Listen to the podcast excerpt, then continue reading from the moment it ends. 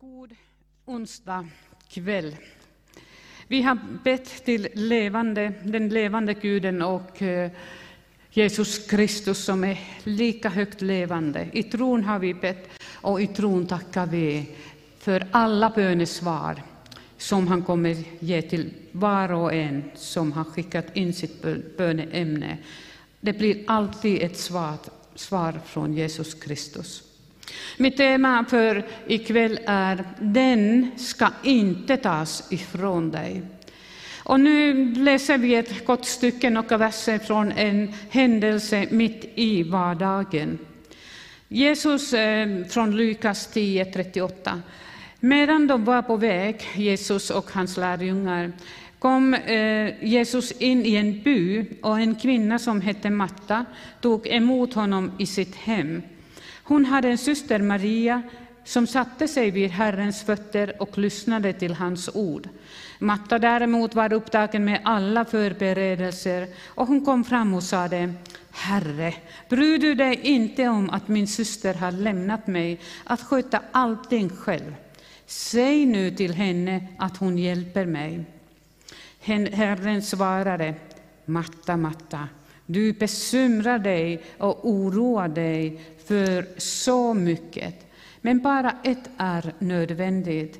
Maria har valt den goda delen och den ska inte tas ifrån henne.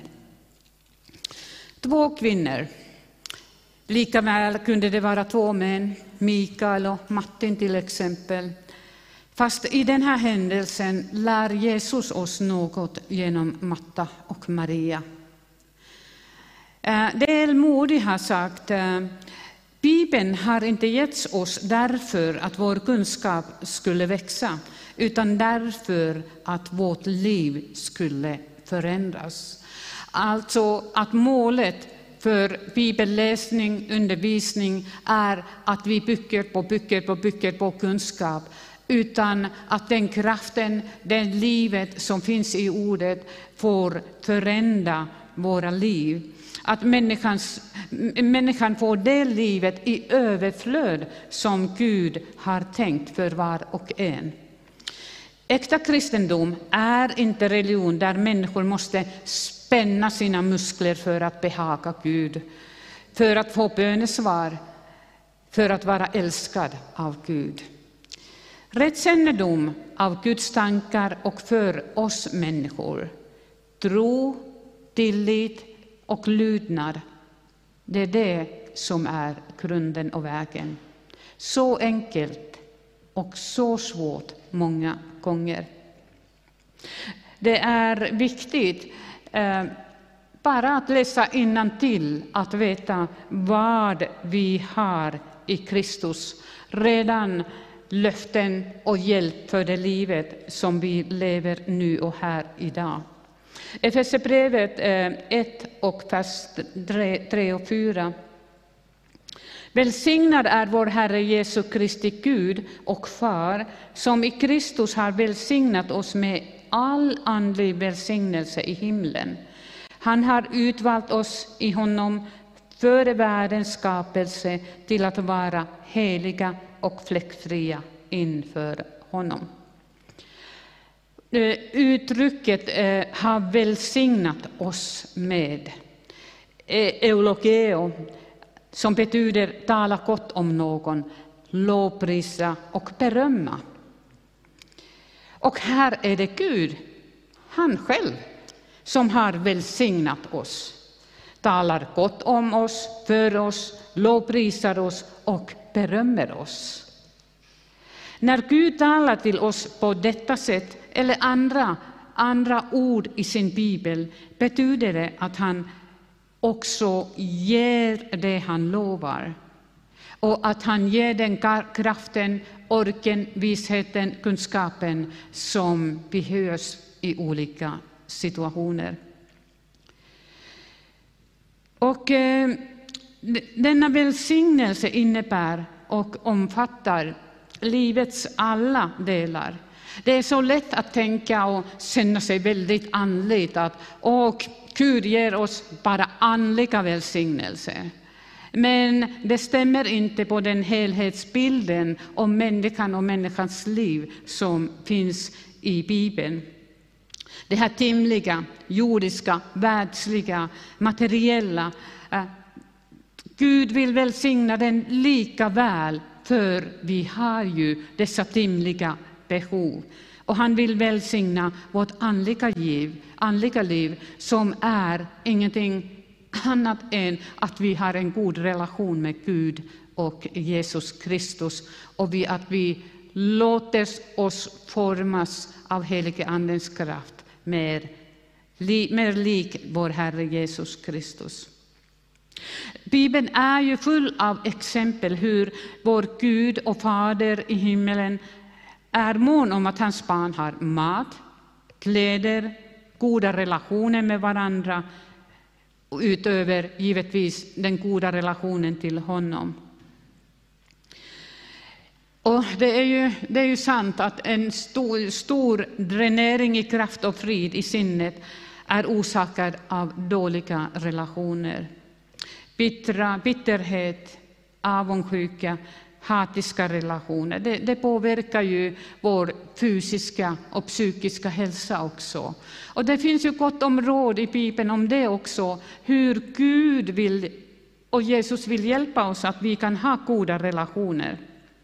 Men här i det här bibelstället sa, sa, sades det också att, att Gud ser oss som heliga och fläckfria.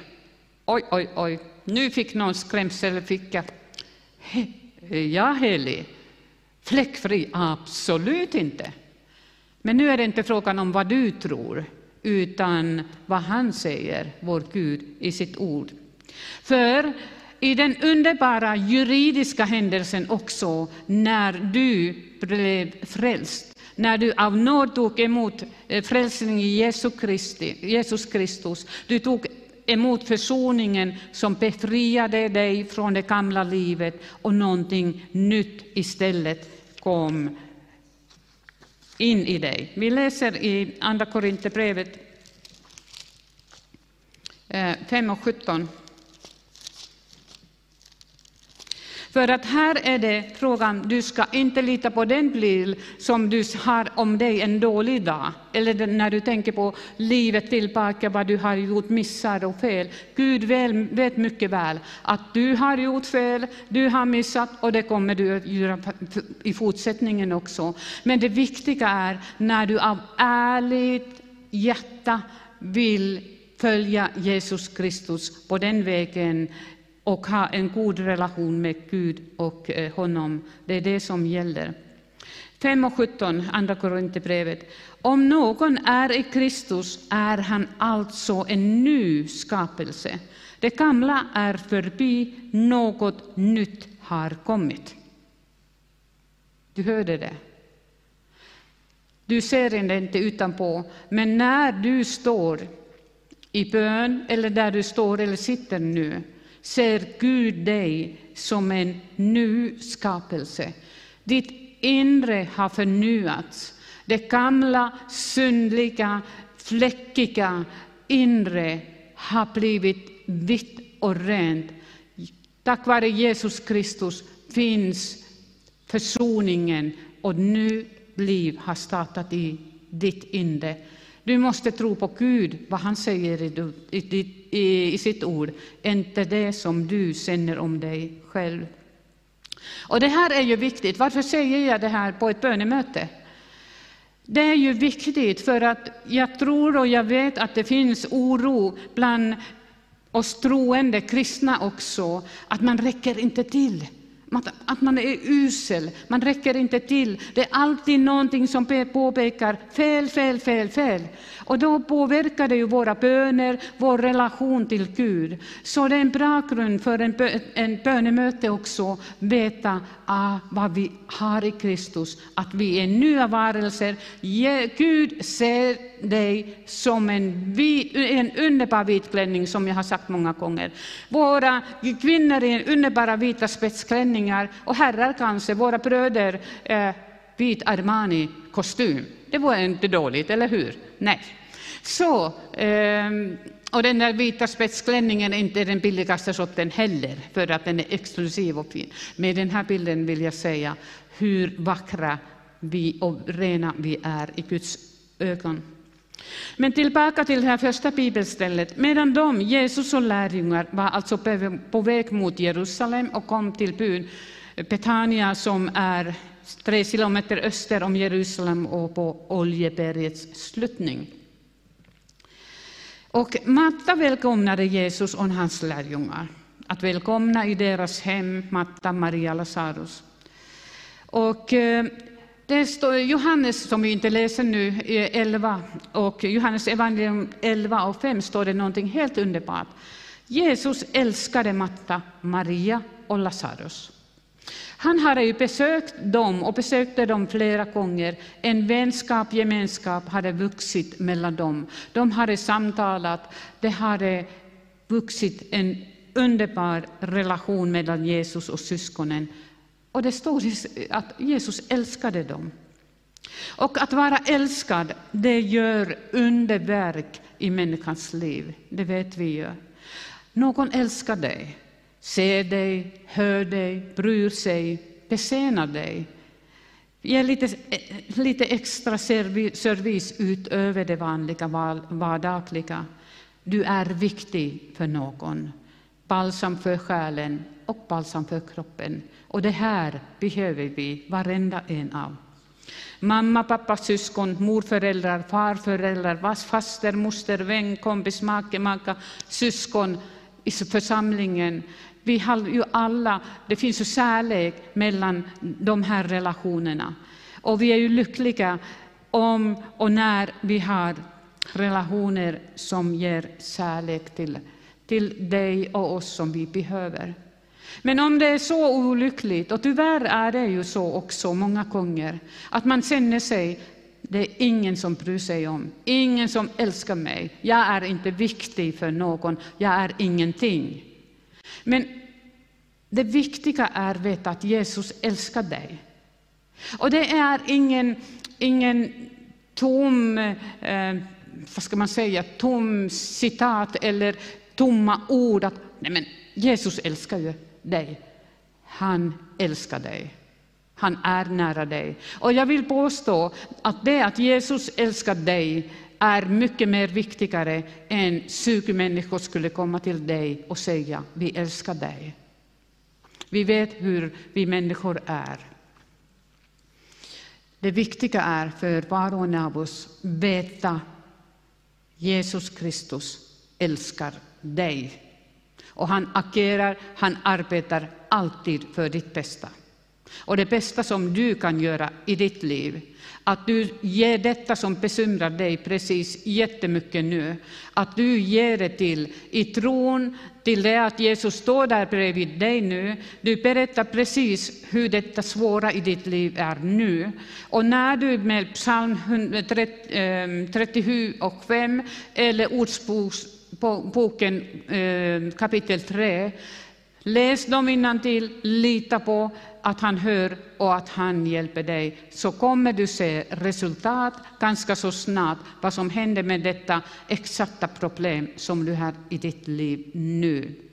Psalm 37 och 5, Ordsboken eh, eh, kapitel 3. Läs till och ta till dig i tron. Två olika livssituationer. Maria satt vid Jesu fötter och lyssnade på honom. Och det här uttrycket att sitta vid någons eh, fötter betyder lärjungaskap. Man är lärjunge, man vill lära sig mer och följa den personen. Detta sa ju Paulus om Gamalius, att han satt vid hans fötter.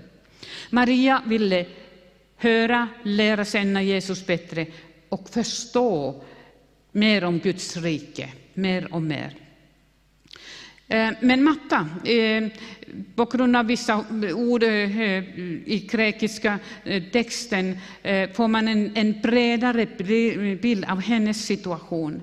Hon var distraherad, stressad, hennes uppmärksamhet drogs åt olika håll, allt som skulle ordnas.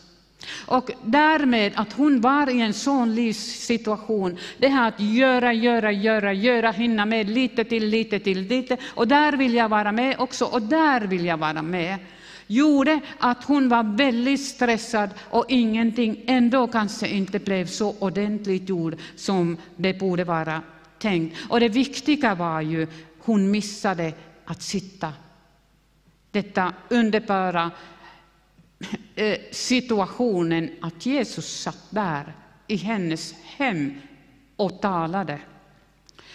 Och hon avbryter undervisningen och ber honom att säga till min syster att hon hjälper mig.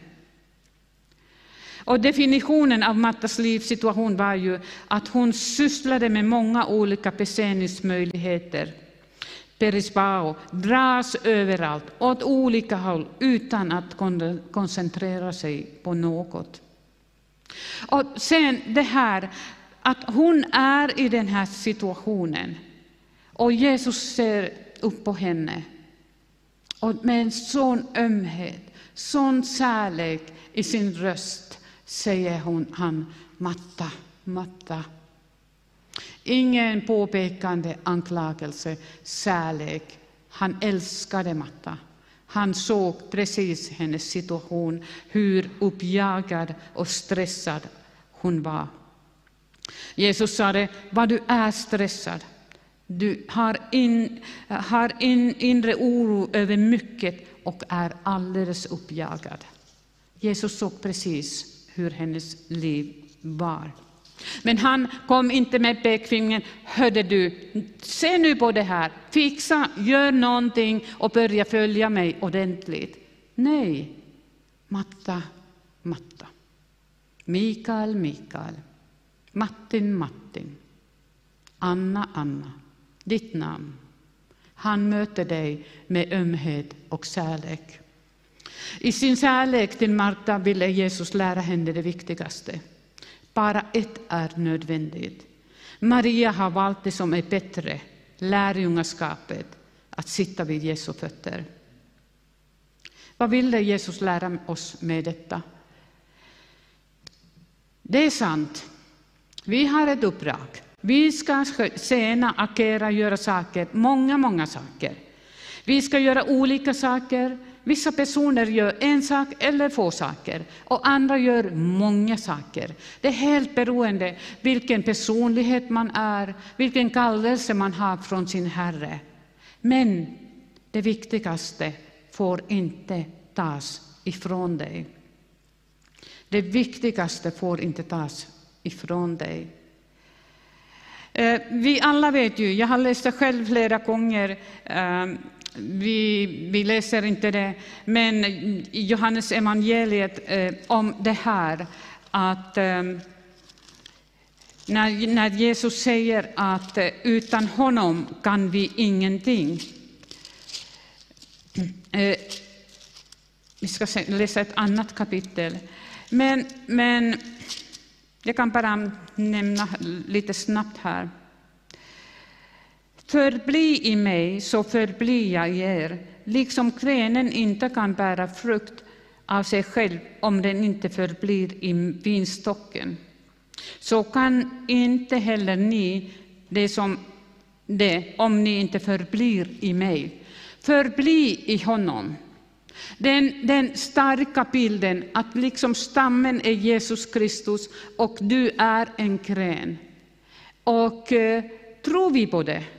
Vi som, är, vi som kan så mycket, vi som har läst så mycket, vi som har utbildat så mycket, vi som lever det här upplysningssamhället, världen med mycket, mycket information. Skulle vi inte kunna något? Absolut. Jag kan, jag kan, jag kan. Som en treåring tänker vi, agerar vi ibland. Men sanningen är, utan mig, utan att förbli i mig, kan ni ingenting. Och till sist läser jag bara en underbar stycke för dig. Tänk nu att du sitter i samma rum som Jesus.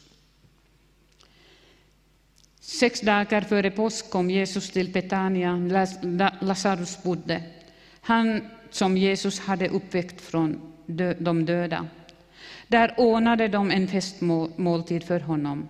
Matta passade upp och Lazarus var en av dem som låg till bords med honom.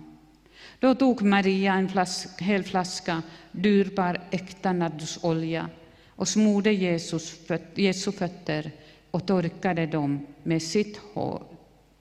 Och huset fylldes av doften från oljan. Där var de tre syskon, matta, besenade och jag tror att Maria visade efter samtalen med syskonen emellan. Hon tog den där nadrusoljeflaskan, bär ett årslön. Dyrbar, det dyrbaraste som de säkerligen hade. Öppnade den och smorde Jesus. Sån kärlek, sån lovprisning till Jesus. Sån kärlek och vetskap om beroende, att ha en god relation, nära relation. Att låta sig ta emot den kärleken som Jesus hade sagt till dem. Jesus sade, Matta, Maria, Lazarus, jag älskar er. Och gensvaret var, vi älskar dig Jesus. Vi är med dig, vi vill följa dig. Amen. Tack Herre Jesus att du i den här stunden är med oss, där hemma, i bilen, var vi än är. Herre, jag prisar och tackar att den här grunden, att vara nära dig, veta att du älskar oss, att du, hur vi än ser ut, hur vi än gamla vi är, hur vi utbildade eller inte vi är, vilket yrke vi än har och vad som än finns i vårt liv, även om det bara finns avgrundsdjup, misslyckande, Herre, så tack att du är ändå där och säger, jag älskar dig, följ mig, förbli i mig. Tack Herre att du gör under i den här stunden. Och Herre, jag ber att du lägger din hand på din bröst nu. Och Herre Jesus Kristus, så som nu de som lyssnar på det här lägger sin hand på sin bröst. Och jag bara välsignar Herre dem, varenda en av dem, i Jesu Kristi namn. Tack Herre att du vidrör de här personerna, att din frid, din närvaro, din kärlek, din befrielse, din frälsning och din helande får vidröra deras kroppar, ande, kropp och själ. Tack Herre att du säger ikväll, du förkunnar och understryker ikväll, du är älskad av mig. Tack Herre Jesus Kristus. Amen.